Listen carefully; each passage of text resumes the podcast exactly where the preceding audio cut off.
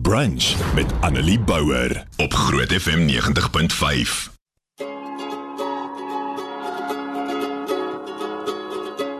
Vanoggend gaan ons 'n bietjie kyk na Matteus 14 vanaf vers 22 en uh, dit vertel die verhaal van Jesus wat op die water loop en jy ken dit baie goed, weet ek as kind het jy ook hierdie jy waarskynlik geleer, maar kom ons uh, doen net so vinnig. Ek gaan nie al die verse lees nie, maar ons gaan so vinnige recap doen van wat daar gebeur het. Okay, so Jesus, dit is na die vermeerdering van die brood. Uh, Jesus se disippels het hierdie wonderwerk gesien gebeur en net daarna het Jesus sy disippels in die skei laat klim om so lank voor hom uit te vaar na die oorkant toe terwyl hy nog eers na mense sy huis toe uh, laat gaan. En nadat hy hulle weggestuur het, het hy alleen na die berg toe gegaan om te bid.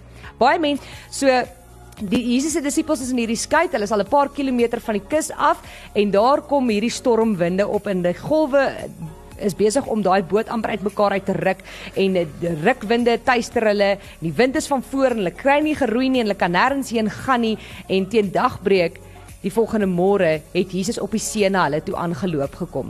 Nou kan jy nou dink hierdie verskriklike vrees wat jy het vir jy gaan verdrink, jy gaan doodgaan, hierdie skuit gaan omslaan, dalk kan hulle nie swem nie. En uh, toe Jesus se disippels hom op die see sien loop, het hulle eers geskrik want hulle het gedink dit is 'n spook. En hulle het geskree, maar Jesus het met hulle gepraat en gesê: "Wees gerus, dis ek, moenie bang wees nie." En hier kom die deel waarop ek vandag wil fokus. So Petrus sê vir Jesus: Here, as dit regtig U is, beveel my om op die water na U toe te kom. Kom, sê hy. Petrus het uit die skei geklim, op die water begin loop en naby Jesus gekom. Maar toe Petrus sien hoe sterk is die wind, het hy bang geword en begin sink en uitgeroep: "Here, red my!" En dadelik het Jesus sy hand uitgesteek, hom gegryp en vir hom gesê: "Klein gelowige, waarom het jy begin twyfel?" Hulle het toe in die skei geklim en die wind het gaan lê en die manne in die skei het voor Jesus gekniel en gesê: "U is waarlik die seun van God." Nou soos ek sê, ek weet ek ken jy hierdie storie, maar iets wat my baie keer opval is, ek dink ons as gelowiges lees hierdie storie en ons dink dat die punt van hierdie verhaal gaan oor jy moenie twyfel nie. En ons dink dat die punt van hierdie hele verhaal van Petrus is dat hy getwyfel het en dat hy gesink het en dat die Here hom moes red. En ja, dit is sekerlik aan die een kant so, maar ek dink ons vergeet dat daar 12 disippels op daardie boot was. 12 disippels wat in hierdie storm gesit het, wat bang was. En dan vergeet ons dat net een van daardie 12 het sy hand opgesteek en gesê, OK. As dit eers laat my op die water na u toe aankom. Net een van daai 12 het Jesus genoeg vertrou om uit daai boot uit te klim. Daai veiligheid tydens hierdie storm, want die stormwind het nog nie gaan lê nie. Die golwe was groot. En hy klim uit daai skei uit. En hy begin na Jesus toe aanloop. En toe hy naby Jesus kom, toe begin hy om hom kyk en toe sien hy hierdie golwe om hom en hy sien hierdie stormwaters en hy sien hierdie wind en hy word bang en hy begin twyfel.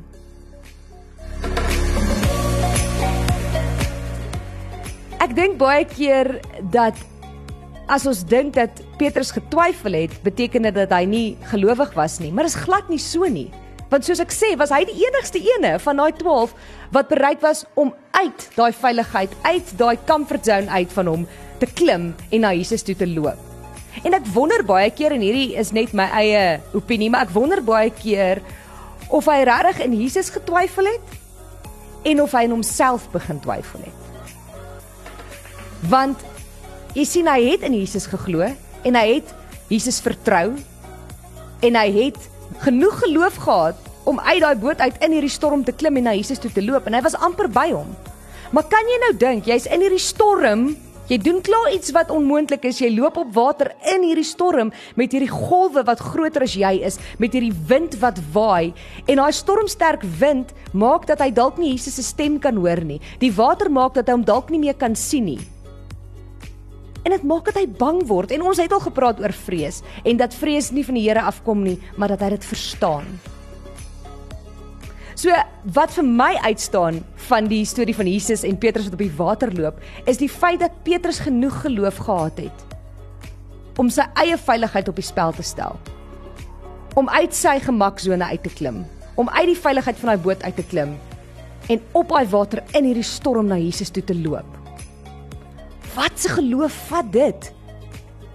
Om te sê, "Goed, Here, ek vertrou U. Ek glo ek gaan op hierdie water kan loop. Ek glo ek kan na U toe kom." En dit is waarop ek wil fokus vandag. Is daai geloof wat dit vat om uit jou gemaksone uit te klim.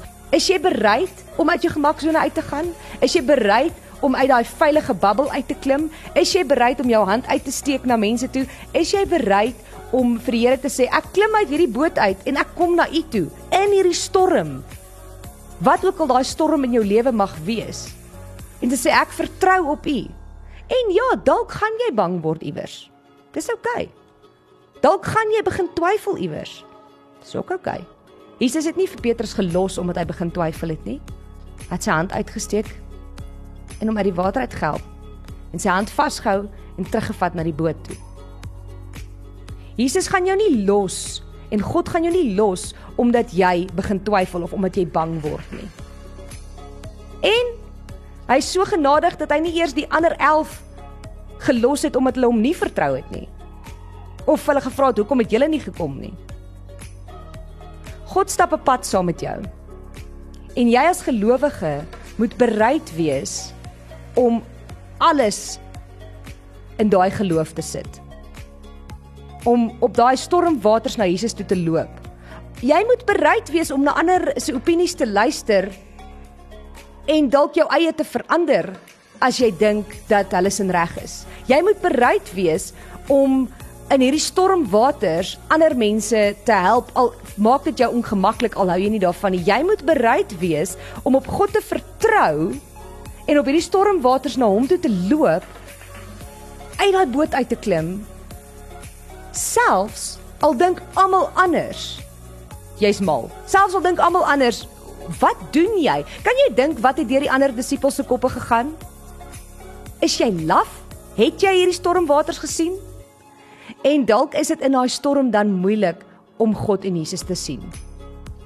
Dalk is dit in daai stormwinde moeilik om God se stem te hoor maar vertrou dat God daai pad saam met jou stap, dat hy jou nie gaan los. Selfs al begin jy twyfel of selfs al word jy bang of selfs al maak jy 'n fout nie. Inteendeel gaan hy jou help. Want sien Petrus het dalk begin twyfel en hy het dalk bang geword, maar hy het ook geweet waar sy hulp vandaan kom. En die eerste persoon wat hy gevra het, hy het nie gesê uh jy weet, okay, nou verdrink ek nie. Toe hy begin twyfel en toe hy begin sink, Toe skree hy vir Jesus: "Here, red my." Hy het geweet Jesus sal hom red. Hy het geweet waar sy hulp vandaan kom. Hy het geweet wie sy God is. Ek hoop dat ek dit kan regkry om die tipe geloof te hê wat Petrus gehad het. Die geloof wat sê Here, ek gaan uit hierdie gemaksone van my uitklim. Ek gaan uit hierdie boot uitklim en ek gaan na U toe loop en ja, ek sien hierdie storm. Ja, dis moeilik. Ja, dis hartseer. Ja, dis scary. Ja, dit maak my vrees bevange. Ja, ek weet nie hoekom dinge werk soos dit werk nie, maar ek vertrou op U. Ek gaan in hierdie storm op hierdie water na U toe kom en dis die tipe geloof wat ek wil hê. Die tipe geloof wat my uit my gemaksone uithaal. Die tipe geloof wat my laat rondkyk om my oor waar ek 'n verskil kan maak en Jesus se hande en voete kan wees. Die tipe verskil wat my laat vergewe as ander mense my te nakom. Die tipe geloof wat gaan maak dat ek God se hand vashou en sê Here red my, stap saam met my deur hierdie storm. Ek hoop dit as jy Matteus 14 gaan lees vanaf vers 22 waar Jesus op die water loop, dat jy Petrus se hart sal sien, dat jy sal sien wat se geloof dit van hom gevat het, selfs terwyl al die ander disippels liewer in die boot gebly het, het hy uitgeklim. En dat jy nie net sal raak sien dat hy gefaal het en dat hy getwyfel het en dat hy bang was nie, maar dat jy sal sien dat hy die tipe geloof gehad het om uit daai boot uit te klim en dat hy die tipe geloof gehad het dat selfs toe hy gefaal het en selfs toe hy getwyfel het, geweet het waar sy hulp vandaan kom en vir Jesus gevra het om hom te red. Mag jy in die jaar wat voorlê en in die res van jou lewe die tipe geloof hê wat maak dat jy uit 'n boot uitklim, soos Petrus. Die tipe geloof hê soos Dawid wat op 'n reus afstap. Selfs terwyl die wêreld vir jou sê dis onmoontlik, selfs terwyl mense vir jou fluister en jou probeer waarsku en sê dis te gevaarlik, selfs wanneer jy nie in jou gemaksone is nie, selfs wanneer jy twyfel en bang is. Mag jy die tipe geloof hê wat sal toelaat dat God jou vorm, dat God jou lei waar hy jou wil hê, nie noodwendig waar jy wil wees nie. Dit is my gebed vir jou Annelie Bouwer, weekoggend tussen 9 en 12 op Groot FM 90.5. vandag.